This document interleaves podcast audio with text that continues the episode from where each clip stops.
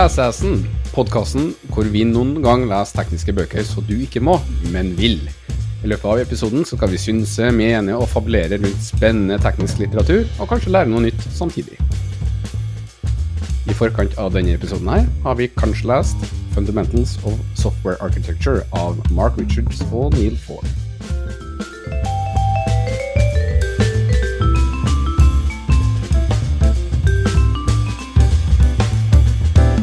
Oss i dag så har vi Anders. Hei, Anders. Hallo, jeg. Ikke hei. Jeg er sånn anti-autoritær. Så Nei, du Si hva du vil, så det går fint for meg. Så har vi en Mikael.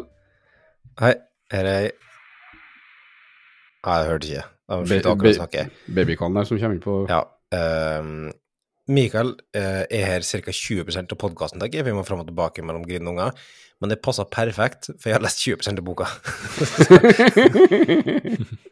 Perfect. Og så til slutt, eller uh, annen sist, jeg hadde sagt, så har vi Nikolai. Jeg måtte se på boka og hvor bokmerket mitt var, men jeg tenkte liksom ja, ja, da er nå jeg og du er til sammen 40% av podkasten. Ja, for det er slik prosent funker alle sammen. Så i dag har du lært mye om både Kommer til å ikke lære så mye om software architecture, men du lærer mye om prosent. Mhm, mhm, og hoderegning. Eh, og til slutt så er meg Kristian. Altså hei, da. Eller hallo, faktisk. Um, vi har jeg, tenkte jo egentlig som en del av introen skal jeg liksom spille opp til at uh, vi har kanskje lest uh, litt av boka, eller ingenting, eller mye, og at uh, det er jo en ja, Kan jeg avsløre at vi har utsatt denne episodeinnspillinga flere ganger.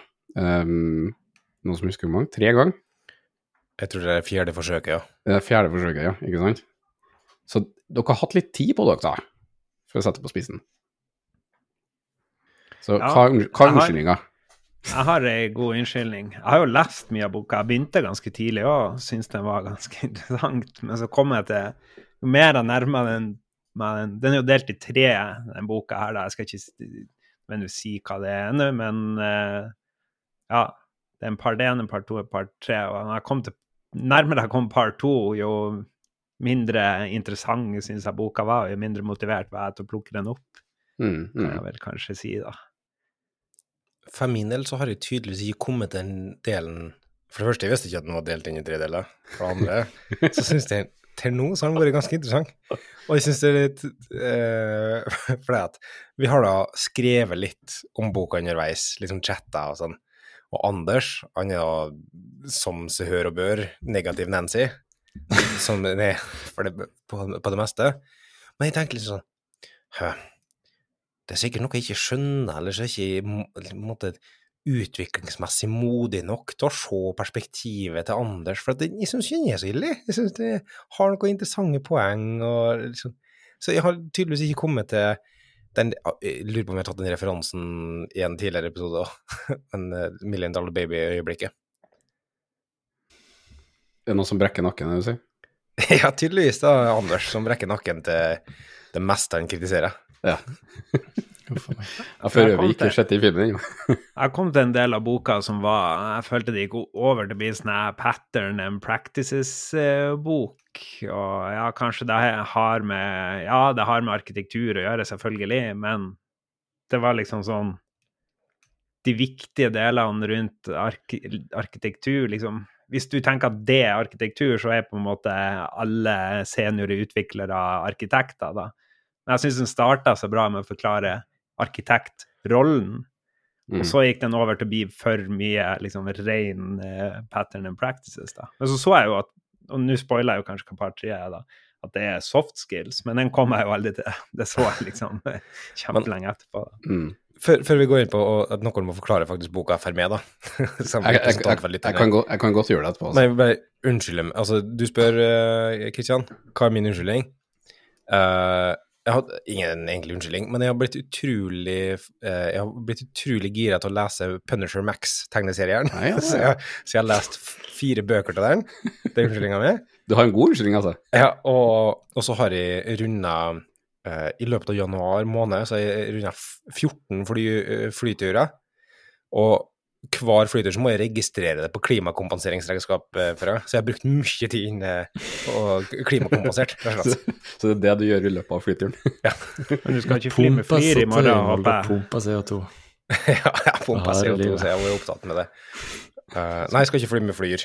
Uh, Jeg for flyr, for et par timer siden, så Ja, jeg vet. Flyr, flyr for det første ikke lenger, men nå har jeg aldri flydd fra Molde, da.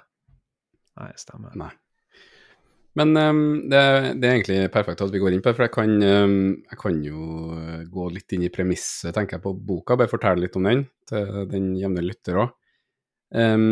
fordi det er jo spoila litt her, men, uh, men det, det er jo en bok som handler om uh, arkitekt og arkitektens rolle og uh, generelt rundt det. Jeg kjenner ikke til forfatterne fra før av, så jeg er litt sånn usikker på hvor de, liksom, deres erfaring og, og, hvor, hvor lang fartstid de har. Men eh, ut ifra innholdet i boka så virker det som det er ganske lang fartstid. Eh, litt gammelmodig til tider. Men eh, i hvert fall, boka er jo oppdelt i tre deler. ja. Eh, første del er eh, Foundations, tror jeg de kaller det. Noe sånt som det er. Um, det handler vel litt om uh, hvordan man skal tenke som arkitekt, hvordan man skal vurdere sånne ulike sånne, uh, arkitektoniske konsepter. Jeg vet ikke om arkitektonisk er et ord eller ikke, men um, sånn som uh, modularitet, coupling, cohesion, connaissance, tror jeg er et annet ord jeg har lært i løpet av første del her. Um, og så tror jeg de også snakker en del om ulike sånne arkitekturkarakteristikker som de bruker litt senere i boka. da. Ja. Kjenner du igjen i det, Anders? Du som jeg vet har lest det? Mm. Mm. Ja, den kan uh, Han setter opp sånne karakteristikker som jeg ikke husker i hodet, da. Men uh, i del to, da, så bruker han de karakteristikkene Altså, jeg han, men det er jo de, da. Men eh, ja. ja, altså for å forklare liksom trade-offene i, Mm. i de forskjellige sånne patternene eller arkitekturtypene som man snakker om. Mm. Men eh, arkitekten på oppdraget mitt, hun sa hun hadde hørt om Jeg snakka om boka før vi skulle lese den, da, så hun tror ikke jeg har lest den. Men hun sa at hun hadde Hun quota Neil Ford, eh, som er en av autorene, ofte, da. Ja, for han er jeg, Det er et navn jeg har hørt før. Men det er òg en type navn som jeg kunne ha trodd at jeg hadde hørt, selv om jeg egentlig ikke hadde hørt om det. Men ja, det er kjent. Ja, altså, eh, når vi plukka, plukka ut boka, da, så gjorde jeg for ei liste med anbefalte bøker. Så, så det, det er ikke sånn Jeg tok ikke inn og søkte på temaet. eh. Nei. Nei, jeg, jeg fant liksom en liste med en kredibel kilde, noen som vi stoler på, som anbefalte bøkene. Uh, og, og som jeg tenkte at ja, ja, det kan være interessant, det er ting som ikke tydelig, eh, vanligvis ville lest. Mm. Så, så det er en bok som jeg tror noen liker. Mm. Og det er en ganske bred bok også, sånn i forhold til de tre delene og hva han går inne på, og på en måte bygger jo videre på liksom, foundation, som vi sa, til part to, med eh, sammenligne ulike eh, arkitekturstiler. Sånn. Da, da går den jo veldig sånn kon, De går konkret til verks, med snakk om microkernel og microservices og SOA og hele, liksom, hele tralten, helt til layered architecture, liksom, så de går jo ganske detaljert til verks. Den er jo ganske bred. Jeg har lest om ting der som jeg ikke har tenkt på engang, sånn som eh, space-based architecture og lignende. Um, Ja. Så det er, in, det er jo interessant på mange måter, hvis jeg skal bruke et positivt ord rundt det. Um, og så tredje del er jo tre tre tekniks and soft skills. ja, det var, ja. Og den er jo veldig hva skal jeg si, den er veldig bred i seg selv, for den hopper veldig fra tema til tema, sånn som jeg opplevde det. Mm. Um, snakker både om på en måte mindset en skal ha som arkitekt, og fokus på egen vekst, men også fokus på en måte um, eksternt eller utad, opp mot liksom, ledelse og forhandling og presentasjon osv. Så, Ja. um, så den går, den går jo ganske er jo ganske bred bok, egentlig. Mm. Og så litt sånn fallgruve en kan gå i. Det snakker jeg om i, den, eh, i det kapitlet. Mm. Sånn, eh, ja. Mm. At en tar avgjørelser på hva som har skjedd før, og ikke hva som skal skje, eller sånn. Nei, det- sånn arkitekt har nå aldri jeg møtt. En som koda for ti år siden. Ja, Det sånn tror jeg- det det tror jeg ikke- sånn, han eh, husker da fra Nei. Det sier han jo spesifikt i boka, at eh, det må være en det må være, Du må være en type arkitekt, du kan ikke være en sånn papirarkitekt, du må være en type arkitekt som skal kode. Så ikke så er ikke du kobla på nok, eller noe sånt, sier han. Han Anders vet at jeg pleier å kalle det for serviettearkitekter. De som tegner luftslott på servietter i møter. Altså. Blir hele organisasjonen solgt på det. Bare, ja, det er så bra! Og så er det ingen rot i virkeligheten. Mm. La meg være um, For det første er djevelens advokat for meg sjøl, for jeg misliker folk som skal prøve å være djevelens advokat. Uh, så først og fremst er jeg djevelens advokat mot min egen djevelens advokat. Men det, det du sier, da, sånn, sånn serviettarkitekter og sånne ting, de er jeg gode på å selge inn konsepter og snakke Hva skal du si corp speak, da. Ja, litt det samme sånn der det går imellom Scrum, da, for eksempel, som er en salgbar pakke med navngitte konsept som er enkel å selge inn, er som objektivt sett vil mange påstå fører til mange negative ting. Sånn at Men, men det er bedre enn å drive med UP og RUP, på en måte. De er jo, det er jo derfor de er blitt arkitekter, men det er jo det at du er sikkert en dritgod arkitekt da, med de egenskapene når du liksom kommer rett ut av kodebasen. Men så Ja. når det har gått ti år, og eh, alt har endra seg, du har ikke rot i virkeligheten i det du foreslår, eller du forstår ikke utfordringa, eller ikke sant All målarkitektur har en overgangsarkitektur, og hvis du ikke forstår hva nåværende arkitektur er lenger, så klarer du ikke å legge de stegene til å komme dit man burde være. Ja, sant, med mindre du abstraherer det så mye at du kun At du klarer å tegne det på en serviett. ja, jeg, jeg skjønner metaforen. Det er ikke, det problemet med å skjønne metaforen, men jeg prøver bare å slå det positive i sier med det. Jeg prøver å være så. Forlokkende med minimalisme her, da. Ja. Nei, men, altså, jeg har hatt liksom sånn møter der folk, arkitektgrupper, sitter og diskuterer ting, liksom. Og det er liksom sånn Alle går ut og møter Ja, nå har vi hatt en god sesjon, det er bra. Det er, nå har vi diskutert oss hvordan vi kan løse sånn og sånn.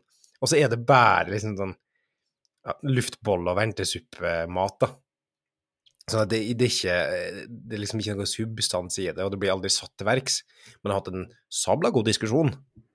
Mm. Men i det øyeblikket, hvis du trenger en, en translatør, som det da heter, imellom eh, direktører og teknologer, er, er, spiller det en funksjon da?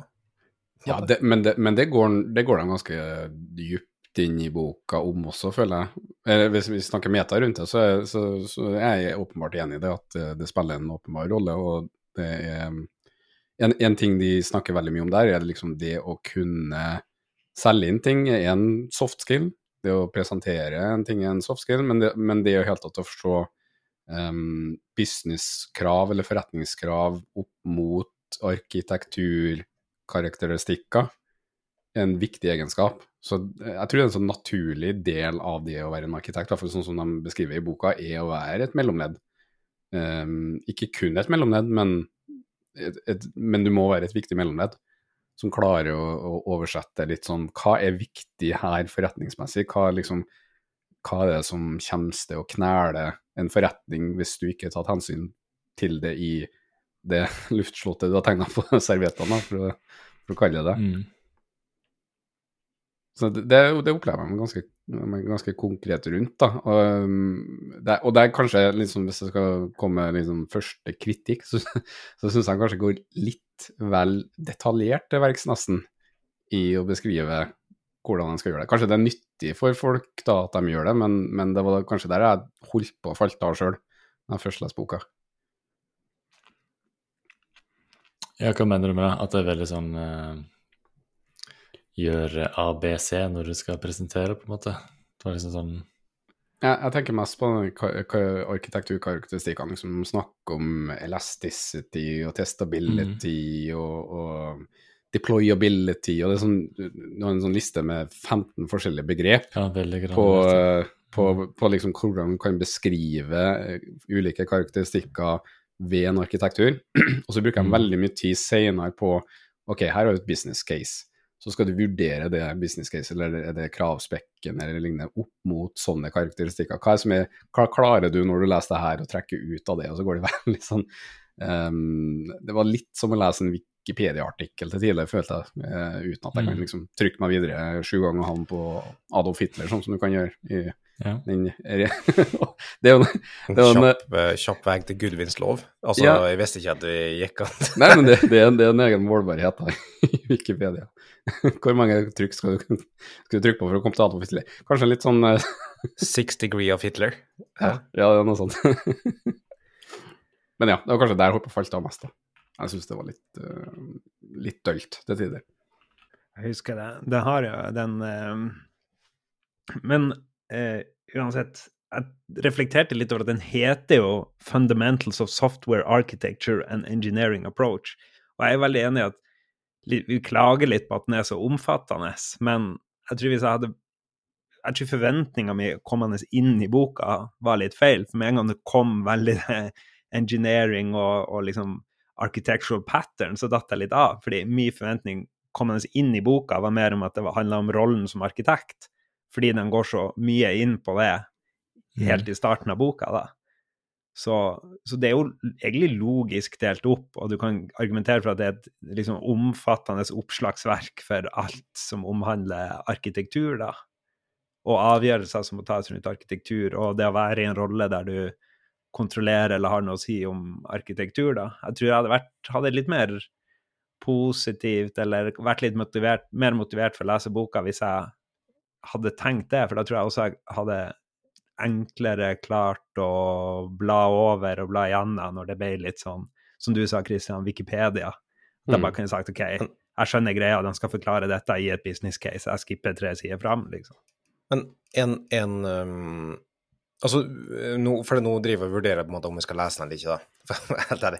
Men for den er en omfattende eller en omstendelig? Jeg føler det er en viktig distinksjon der, da. Han er nok litt uh, det siste, kanskje. Litt sånn uh... Mm.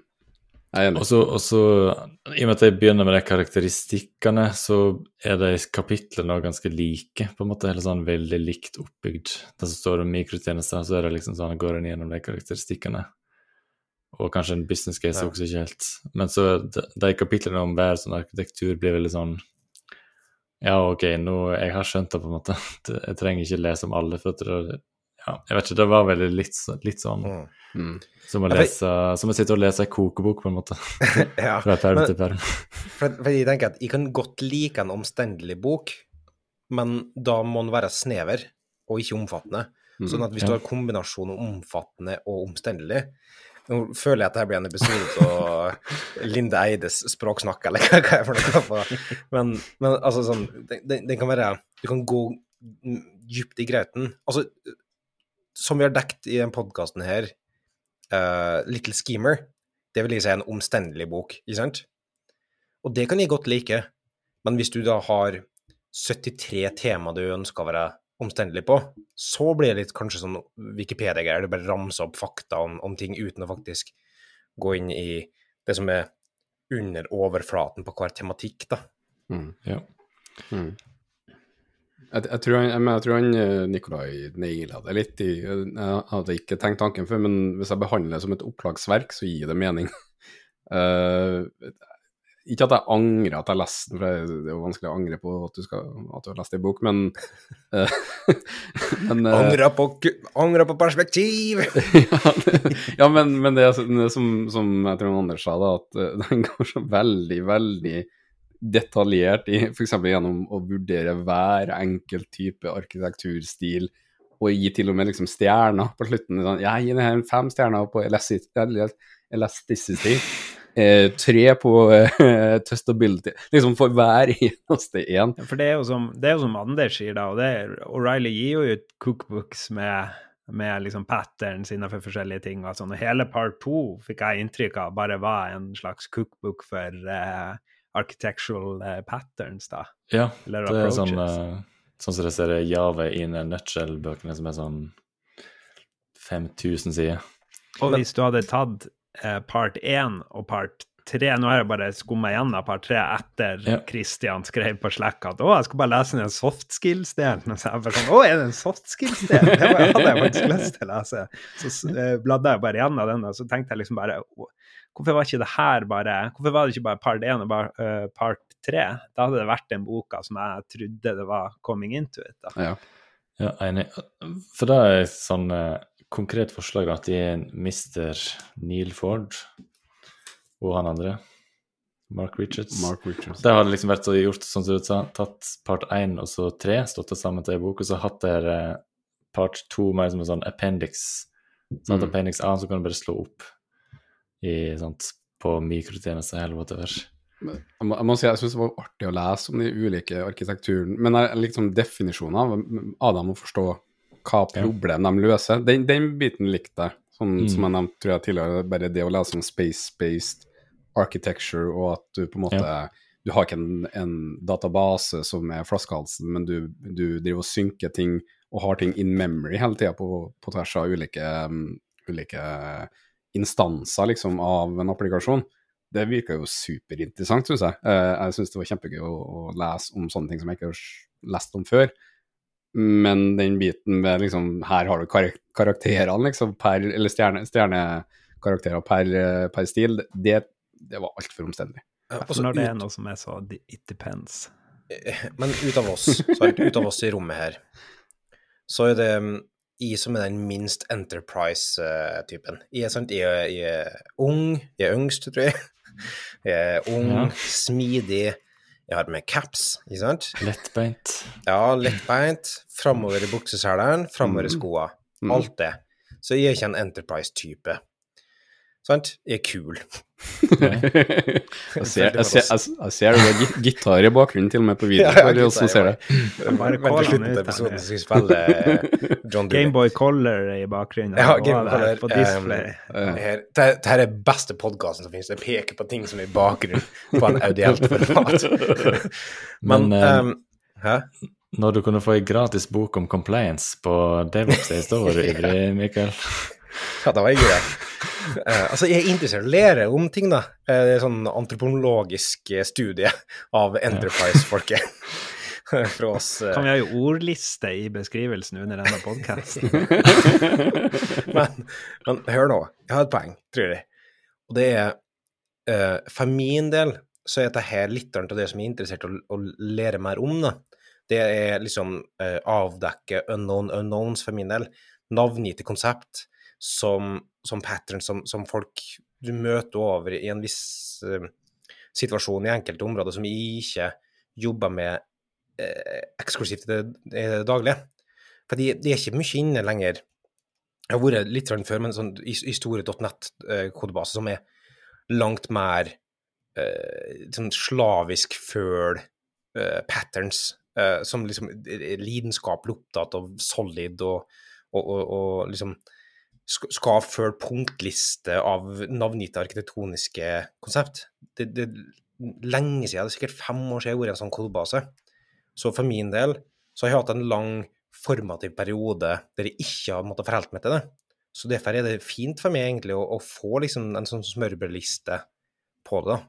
Og så er det veldig givende når du kommer over og du får et navn på et pattern du faktisk har brukt, eller kjenner til med et annet navn, ikke sant? Ja, for det, for det, jeg, det jeg, har, nå, jeg har garantert sett behovet av det, og jeg har garantert sett hvordan løsningene kan være ofte, men jeg har ikke på en måte termologien for å snakke med det og samtidig kjøpe med liksom den latterlige stammespråk-etosen til å kunne referere til med navn. da.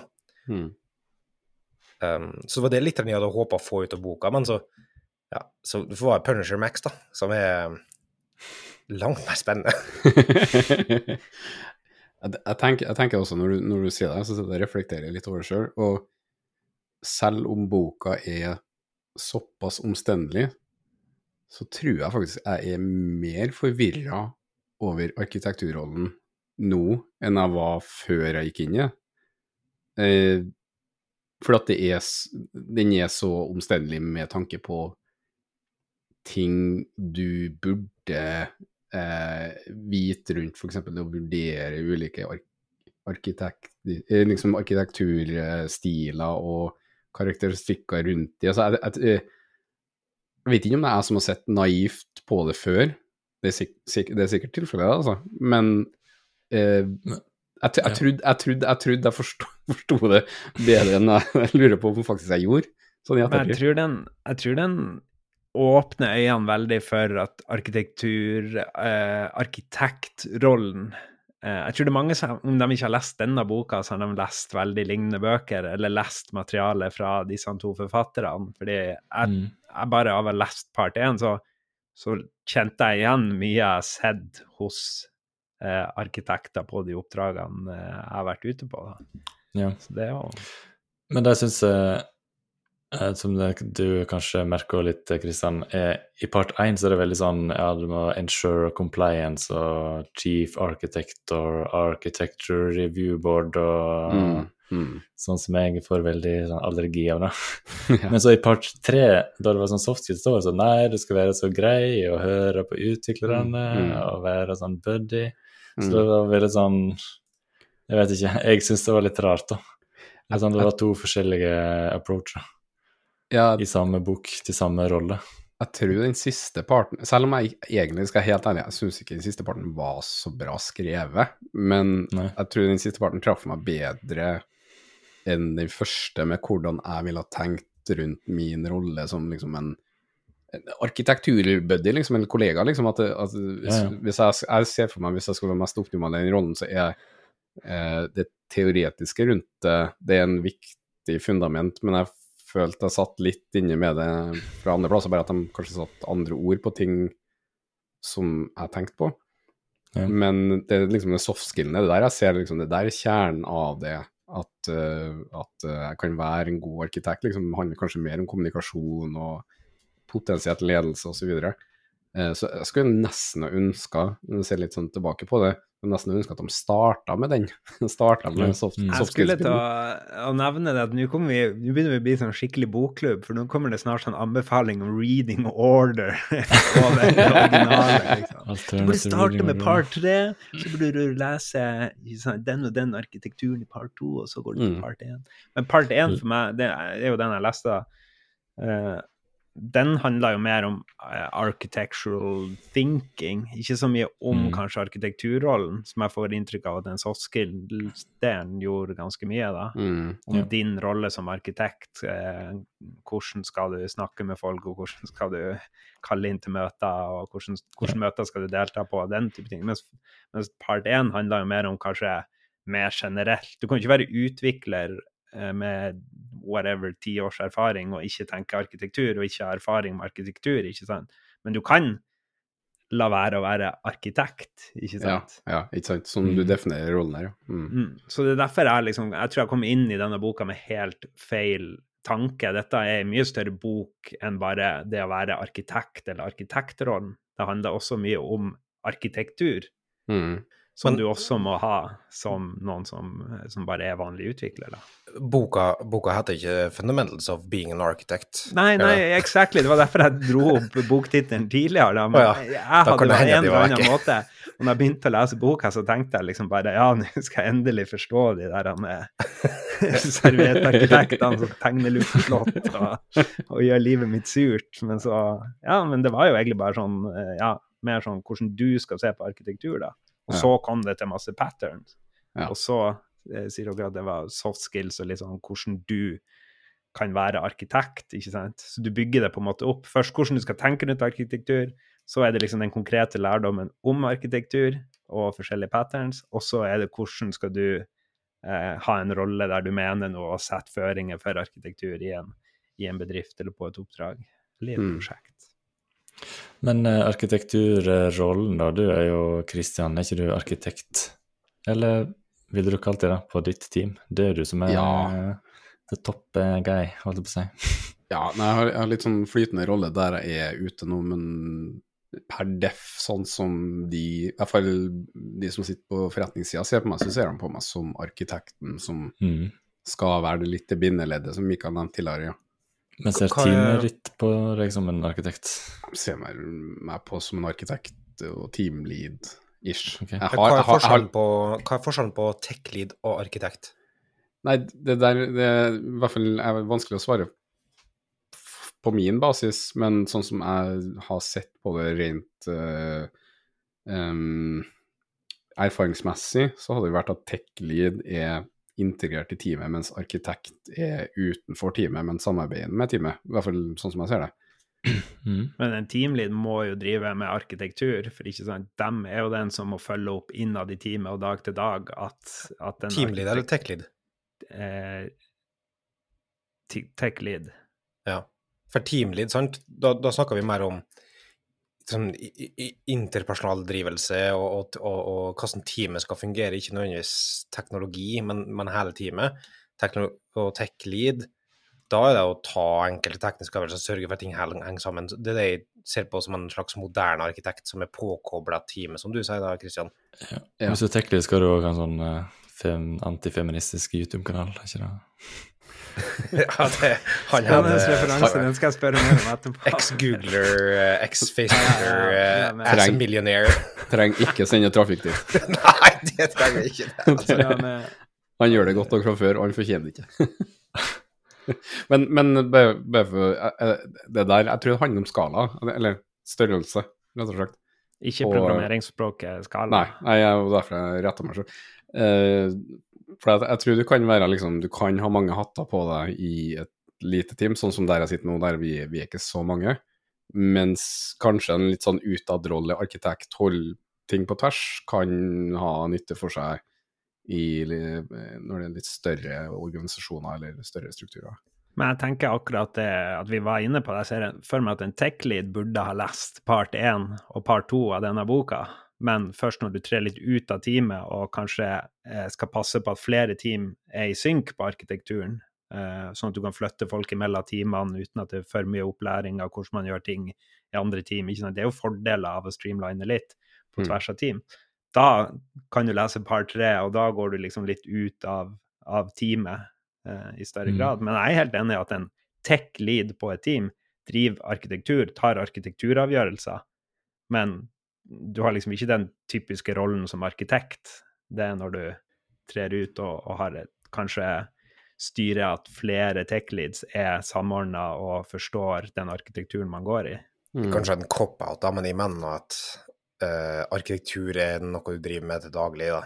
Hver gang er du skal bestemme en signatur, eller, eller hvor du skal plassere ting, så er det en del av arkitekturen, og alle må ha et forhold til det. Mm. Men et sitat fra boka her. Programmers know the benefits of everything and the trade-offs of nothing. Architects need to understand both. Han, han, han, eh, han sier begge to, da, som skriver boka, de, de snakker jo en del om det at som arkitekt så skal ikke du være djup. Du skal ikke, være, du skal ikke ha en, liksom, en sånn vertikal du har fokusert hardt innenfor. Eller du kan ha gjort det, så klart, men du burde være mer brei enn djup Mm. for å ha kjennskap, brei kjennskap til flere muligheter. Det, det merker jo også på hvor omstendelig boka er, da, at uh, ser at de mener det. Men du skal være brei for å ha, ha flere erfaringer å trekke av og kunne vurdere ting på hverandre på kanskje et litt uh, grunt nivå, da. Men de ser på det som viktig. Så kan vi være uenige eller enige med det. Uh, arkitektrollen kommer jeg aldri til å besitte, for at uh, er det én ting jeg er, så er det djup. Men igjen, jeg mener og kul og tøff, ikke sant? Jeg mener jo igjen da at, at nå er vi ikke inne på arkitektur, arkitektrollen sånn som vi kjenner den, da, at du har en job description, at du er arkitekt. Ikke sant? Jeg tenker den her med eh, ha bredde og kjenne ikke sant? Det er jo ting som eh, Å kjenne trade-offs, det er jo ting du må ha som, som en tech-lead òg, da. Det er bare kanskje Mm. det at scopet ditt er mindre. Men ikke sant, ja, hvor du plasserer en knapp er er dag-til-dag arkitektur, som Mikael sier, men du har jo fortsatt et designsystem som på en måte bestemmer den på tvers, da, sånn at man ikke gjør ting på nytt eller gjør ting på forskjellig på forskjellige team. da. Og en arkitekt sin rolle, hvis du har en ark arkitekt, arkitekt sorry, på et høyere nivå, så er jo det den samme eh, rollen for teknologi, tenker jeg, da. Mm. Som et designsystem har for, for designet. Mm. Passe på at man, man får benefiten av å, å gjøre ting litt, litt likt, da, uten at man skal låse folk inne sånn at de ikke får brukt rett uh, tool for problemet. ikke sant? Det er en balanse i alt. Ja.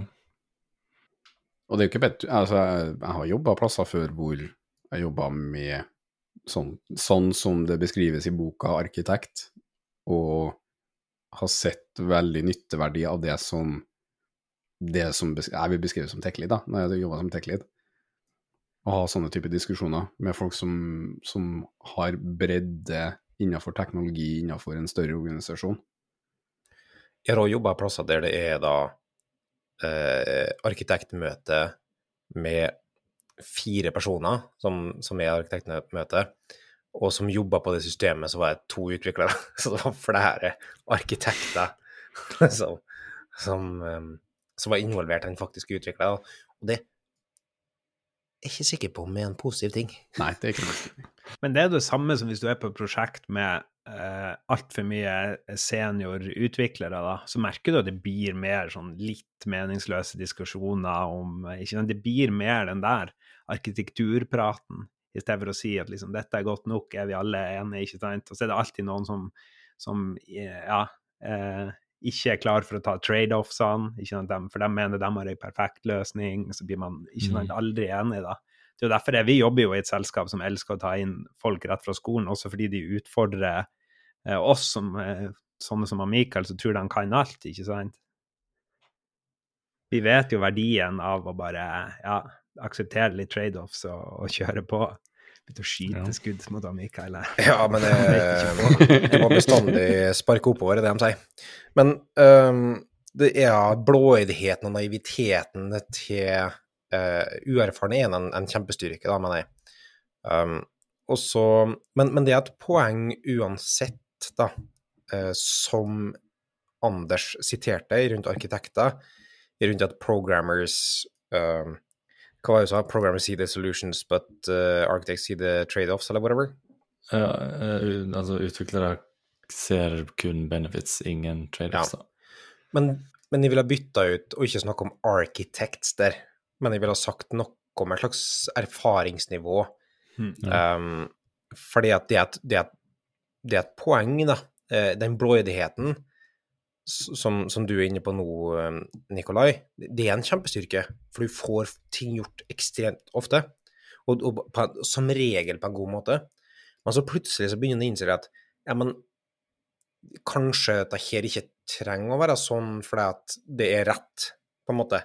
Du har, det er tekstbok rett å gjøre det på den måten. Du lærer det verktøy, og sånn så lærer du det òg når verktøyet ikke skal brukes, på en måte. Um, det er et eller annet også sitat, eller sånn, sånn Jeg vet ikke hva det er, proverb eller, eller eh, et eller annet, liksom rundt det at um, du er ordentlig utlært i et verktøy når du vet hvordan du jukser med verktøyet, osv. Men, Mm. men altså, poenget er at det å se trade-offs med alt, for alt har i praksis trade-offs, og det å identifisere dem er en nytteverdi i seg sjøl. For da kan du, da kan du som regel òg velge å omgå en del problem. Men for eksempel det er hun som er arkitekt der på det oppdraget jeg er på nå, hun er dritgod til å bruke For det er veldig mye seniore konsulenter der òg, som har vært veldig mange plasser, sett veldig mye, kan veldig mye om arkitektur. Og hun er veldig god på å liksom gå til hver enkelt og diskutere hvis det er et større problem som kanskje treffer eh, flere av teamsene. da. Så hun er god å liksom eh, samle sammen deres sant, kunnskap, kanskje spesielt innenfor de to forskjellige domenene som de to teamene jobber med, da, og så ta det sammen da, og se hva er den beste løsninga eh, på tvers da, på paraplyen. da. Det syns jeg er en veldig god approach, da. Og så bruker hun sin ikke sant, Så blir vi enige sammen, da. Uten at det er et eh, arkitekturråd, så er det heller eh, ikke sant, de som sitter og faktisk jobber med dette, altså får innspill. Så bruker hun sin, sin posisjon og sin forankring eh, til å få forankring, da. Sitt mandat til å få forankring, da. Det syns jeg er en veldig fin approach på, på å, å være arkitekt og ha en arkitektrolle, da. Mm. Det tror jeg er et veldig, veldig god approach. Jeg, har- jeg tenker ofte på at en arkitekt er veldig god hvis han ikke tar avgjørelser sjøl, på en måte. Altså hvis han får fram avgjørelser fra resten av organisasjonen, sånn som det virker som hun gjør her, da. At hun tar fram gode synspunkter og får dem til eh, å komme fram til en konklusjon liksom sammen, da. I stedet for at det skal sitte noen på toppen og bestemme ting. Det må komme bottom up. Mm. Folk må få eierskap. Mm. Uh, perfect. Uh, vi har snakka om boka og rundt boka, og ikke om boka i hele tatt, og liv og plass og skitt. Det er bra. Um, jeg tenker vi kan gå over til eh, karakterer etter en liten pause.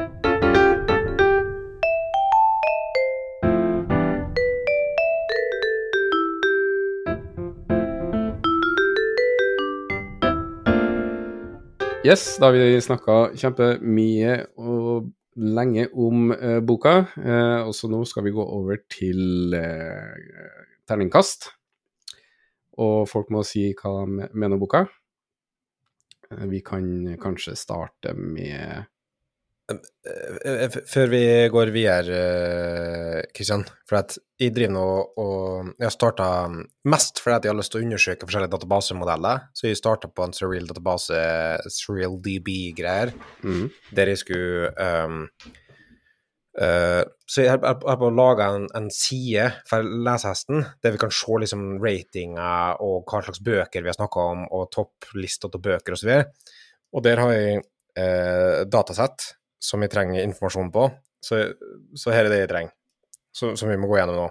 mhm. Vi trenger rating, som vi kaller det, eller antall hestekrefter, som, som vi har vært enige om nå, som er én til seks hester. Hva, hva, hva, hest, hva hestete er boka? Eh, om du anbefaler den eller ikke. Om du er usikker på anbefalinga di. Om du har fullført boka, sånn at vi kan ha en uh, wall of shame til Nikolai. Og så eh, må vi også plukke ut et sitat i løpet av episoden. Det er liksom det som går inn i en, en relate, host Mikael Brevik, rates book, med content, det, det skemaet her, da. Eh, Greit? En til seks hestekrefter, om du anbefaler boka, Ja. Om du er usikker på anbefalinga, usikker på anbefalinga. og om du har fullført den. om du har fullført. Og en eh, sitat per person. Eh, vi tar, tar ikke sitat nå, det tar vi ut eh, fra podkasten, tror jeg, for jeg kan ikke liksom be eh, Nikolai nå om et sitat. Nå skal du høre. Omstendelig opplegg. Ja, det er omstendelig, men ikke omfattende. Okay. Det skal du høre. Men jeg tenker det er greit å starte med noen som faktisk skal lese boka, så jeg, jeg peker på en Anders. Ja. Uh, vi kan eh, Du får nå bestemme rekkefølgen sjøl, men eh, rating i hestekrefter og anbefaling Um, jeg anbefaler boka. Um, jeg skal legge ut en sånn uh, graf med sånn reading order senere. Anbefalt reading order. Ja, litt sånn eh, Litt uh, Sånn Star Wars-aktig. Ja, Star Wars Ja. Den er nice. Det legger jeg til som et punkt i databasen din, Nei, Mikael. Jeg er som Star Wars. Reading more. uh, nei, så terningkast uh, Jeg vet ikke. Fire, da, Hestekraft. kanskje. Hestekraft fire. Hestekraft fire. Uh, fire hestekrefter fra meg. Uh, usikker på anbefaling? Ja, usikker. Mm. Hva betyr det? Usikker på anbefaling. Det, det? var en, eh, Anders som foreslo at de skulle legge det i databasen, da. Var det jeg som Å ja, sånn, ja. ja. Eh, nei, sånn anbefaling eh, med forbehold Det jeg er usikker på, er Sånn som da du snakker om sånn spaced architecture, det er jo sånn som jeg Oh shit, det her er jo uh, farlig kunnskap. Hvis uh, noen eh, begynner å lage en sånn arkitektur uten å helt skjønne det, på en måte. Altså Og den boka forklarer jo ikke den arkitekturen godt nok til at du Ai, kan ta den avgjørelsen. Så Mm. sånn sett er det um, Ja. Uh, anbefalt, ja, men uh, hold hestene litt med sånne kule arkitekturer. jeg digger det.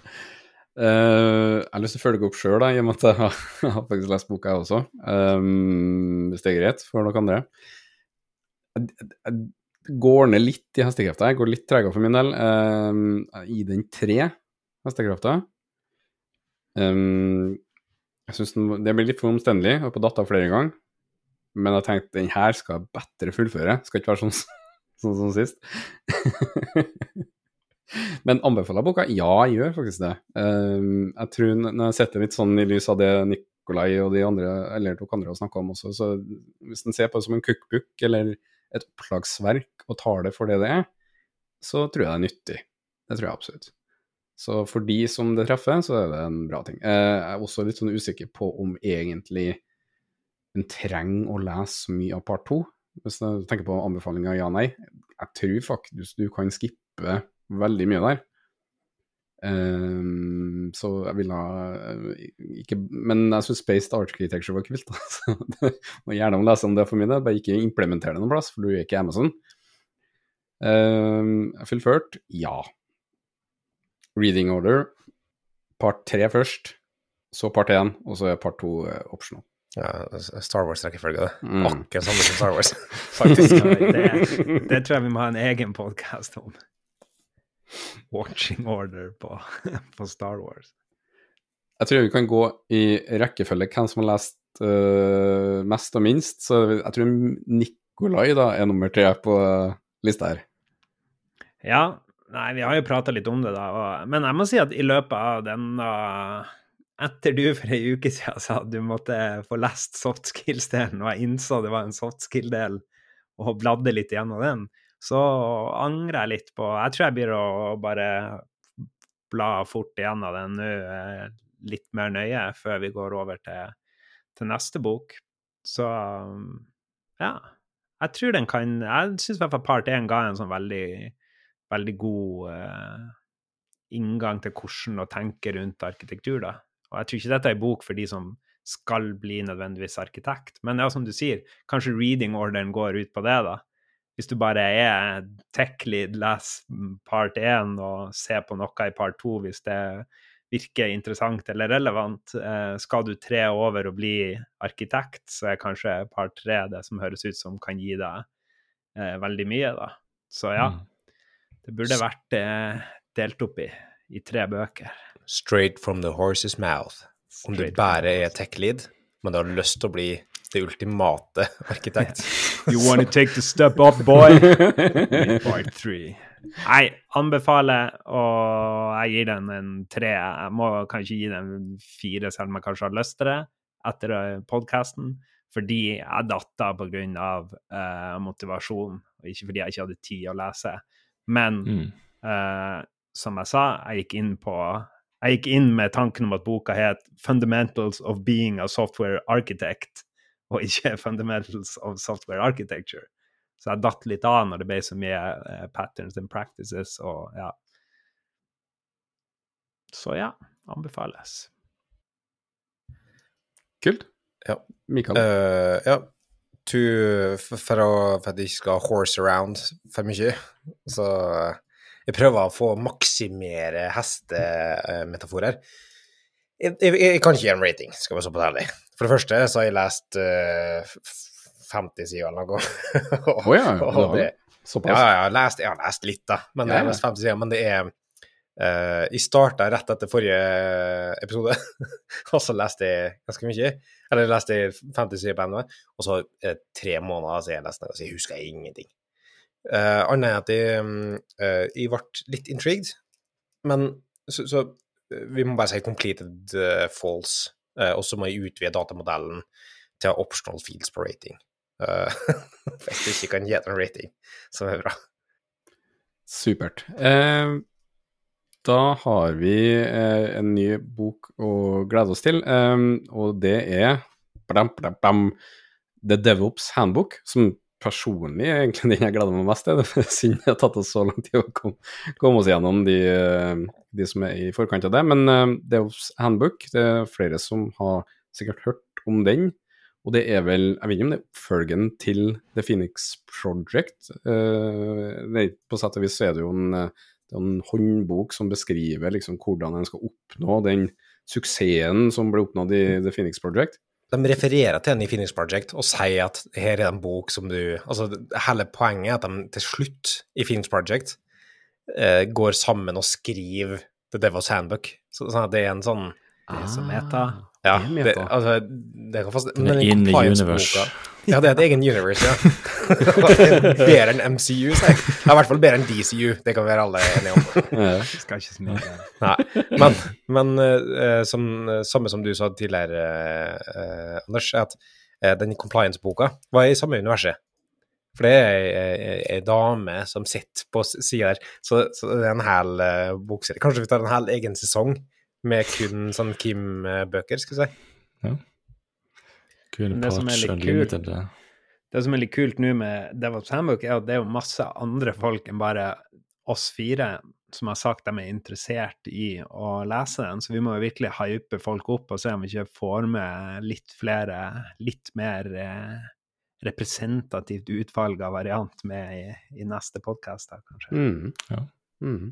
Ja, og ikke bare det, jeg, jeg sier at hvis noen av en eller annen grunn har kommet fram For nå har vi ikke markedsført seg podkasten her i det hele tatt, så ingen hører på.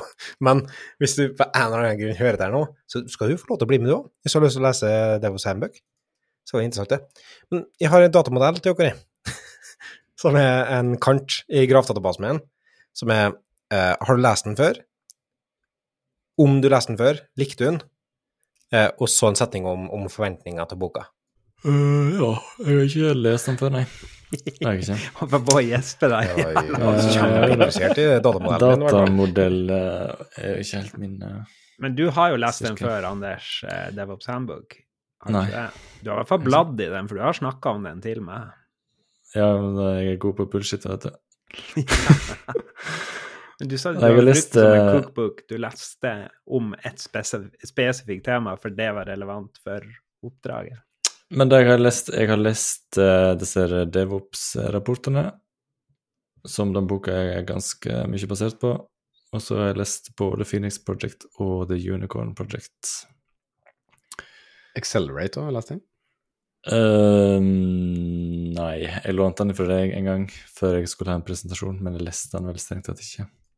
Og jeg kan si mye om Accelerate. Jeg har lest den. Syns den er overhypa. Ja, han er litt overhypa, men han begynner å bli gammel, da. Han begynner å bli gammel, da. Uh, ja, men jeg har bladd en del i den DevOps Handbook allerede, og lest kanskje 50 sider. 50 sider. Ja, men det er jo som uh, om Mikael har lest ei hel bok, det. Så Ja, det er nok for å være med i en podkast. er nok til å ha Nå er hun like skyldig sjøl, Nikolai. Fordi at- Han Kristian har jo da har jeg lest litt mer enn deg. Så jeg slipper akkurat unna. Og så på bokmerket for å ha et bilde i Slack at det var noe, det var noe viss størrelsesforskjell i lesingen. Men for å konkludere, jeg er veldig spent på boka. Jeg tror den er veldig omstendelig, som vi snakket om uh, før. Eh, så det er jeg litt bekymra for, at det er veldig masse. Men sånn basert på det jeg har bladd, så er det en del sånne interessante case studies med forskjellige selskap, så det blir interessant. Mm. Jeg skal gå inn i denne boka med at det er en liksom cookbook. At hvis det er noe som virker Jeg kommer ikke inn i det, for jeg syns akkurat den casen virker interessant, så skal jeg rett og slett eh, bla forbi det. Heller komme tilbake til det som om jeg er flink på eksamen. Ja. Mm. Jeg har heller ikke lest den før. Uh, jeg tror jeg, jeg husker på i introepisoden var liksom den jeg gledet meg til, for jeg har hørt så mye om den. Men det jeg sitter og bekymrer meg litt for nå, på personlig vegne, er at kanskje jeg er for sent ut. Fordi nå virker det som det er en sånn er som, Ikke at DevOps er på vei ned, men det virker som det er en sånn ny evolusjon nå av noen som hører om platform engineering og lignende. En sånn ny evolusjon av DevOps eller tankegang der som, som går i sin egen retning. Så jeg føler det som nå, driver, nå, nå skal jeg til å begynne å lese en bok hvor pendelen allerede svinger bort fra stoffet i boka. Kanskje en teit måte å si det på, men, øh, men øh, Nei, jeg har egentlig høye forventninger. Jeg, jeg, jeg gleder meg til å, til å lese den. Um, og jeg digga Phoenix Project. Det var Nikolai som anbefalte meg, og jeg digga den. Uh, så Og jeg forventer ikke at det her er noe det, det er ikke noe av det samme, det er jo en ren kokebok sikkert, som, som sies, men, eh, men eh, jeg likte likt eh, tankesettet, jeg likte liksom eh, storyen i det så godt at jeg, jeg, jeg gleder meg til å egentlig lese DevOps. Og jeg håper også, som du sa, Mikael, at vi får med så mange som mulig som det er, sånn at det kanskje blir en, en enda større episode senere. Så kanskje det jeg gleder meg mest til. Neste episode. Neste innspilling. Jeg uh, likte Phoenix Project uh, godt sjøl. Uh, og uh, men, men, jeg tror jeg likte liksom novelle-romanforma av det. Mens det her var litt annerledes. Uh, og jeg har starta på den, da, fordi at jeg som, som kjent jeg liker å være forut og liker å, å gjennomføre. Um, så bratt nå. Jeg er spent. ikke lest den før, men jeg tror jeg kommer til å like den. og um, Um, som sagt, Phoenix Project, interessant. Altså, jeg anbefaler den sikkert til fire-fem personer. Sånn Det du går gjennom nå, det er akkurat likt som Project, liksom. altså, um, jeg satt i et intervju for, en uh, C2-kandidat i Stockholm, uh, og så drev han og snakka om sånn IT operations i praksis, da, om hvordan de holdt på med sånt der. Så spor liksom sånn har du lest uh, Finish Project, ja, det har jeg lest! Og så ble det en sånn hel greie, for at da beskrev liksom line by line problematikken som de opplevde fra Phoenix Project. da. Satt dere high five av hverandre og bare 'Brett, ass!' Å, Brett! det er klassisk Brett. klassisk Brett. Nei, men um, så, så jeg er spent. Uh, jeg tror det blir bra. Uh, det som er ekstra spennende for å supplere det dere har sagt om at flere deltar, utrolig hyggelig uh, sånn som det her òg, men um, noen av dem som sagt de er interessert i å delta, er ikke tradisjonelle utviklerroller. Uh, prosjektledelse, blant annet, og så videre, da. Altså, ikke utviklere, med andre ord. Uh, ja, men noen prosjektledere har vært tradisjonelle ja. utviklere, altså. Uh, men, men, i tilfellet her er det ingen som har utviklerbakgrunn i hele faktisk. Uh, mm. Og det tror jeg kan være interessant å få liksom, helt annet perspektiv inn mot akkurat, akkurat den tematikken her, da. Så, som, mm. som, kan være litt sånn Ja. Uh, jeg tror det er interessant å, å se på det på tvers av vår lille boble. Jeg pleier alltid å anbefale Phoenix Project til alle eh, på oppdrag eller på jobb som jeg møter, som er ikke-teknisk, for å prøve å liksom forstå dette med kontinuerlig fiksing og, og ja, ikke rewarde folk eh, som, er sånne, som egentlig er en flaskehals og alt det der. Mm. Så, det er, så, jeg ser også fram til å liksom lese om denne, siden det er eh, men jeg leste litt uh, reviews og sånn på, på, Amazon, og ja, jeg er litt redd for at det er en manifesto og ikke en handbook, på en måte. At den ikke blir å forklare så mye ting du kan gjøre, men bare på en måte fortelle historier utenom å gi konkrete, konkrete mm. ting, da. Så det er litt kanskje jeg er redd for, men ja, jeg skal gå inn med den, med den tanken om at det er flere forskjellige stories som man bare kan skippe over, da, hvis man vil. Mm. Så jeg tenker eh, neste episode, det er bare å glede seg til for dem som, eh, som eh, har tenkt å bli med på å lese The DevOps Handbook, og for alle som kommer til å lytte på. Jeg tror nok det, det er den episoden hvor vi peaker, og liksom når jeg ser på Analytics i Transistor, så er det da det skyter vers. For per nå så er det ikke sånn Annet enn at det var en, eh, jeg tror det var en bug relatert til uh, våre nettsider hvor vi delte podkaster og at ting ble lasta for ofte, så fikk vi sånn plutselig 1000 lyttere en, en kveld. Det ble henta eagerly og ikke lazily. Ja, så det var, så, noe, det var noe feil der. Pageview. Fordi vi ikke hadde lest om det architectural patternet. Yes. Ja. Men uh, det blir òg interessant. Følg med på lesehesten.io eller et eller annet domene jeg kommer til å kjøpe på et eller annet tidspunkt. Så, så, at du spiller det før du har kjøpt det. ja.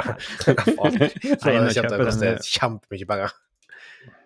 Men um, uh, uh, jobber med en side der du skal få liksom statistikk over alle bøker, så kan du liste ut liksom sånn topp fem bøker anbefalt, sånn at når vi holder på med dette her om fem år, så har vi på en måte akkumulert en skikkelig god leseliste for alle. Uh, så da Det blir bra, tror jeg. Kristian. Ja. Jeg gleder meg til det. Jeg har kjøpt alle bøkene i årets eh, sesong av Lesehesten eh, fysisk format, så jeg blir å ta alle med på variantkontoret og sette i bokhylla der, da. Så jeg ser liksom for meg at noen går der og plukker den ut, og leser boka og hører episodene. Ja, det blir stas. Lesehesten.io. Jeg kommer til å til å til å blipe liksom med Ja, dot over etternavnet hvis det hvis det ikke er. Nei, men med det så takker vi for laget, og vi snakkes igjen neste uke. Ha det! Ha det. Adjø.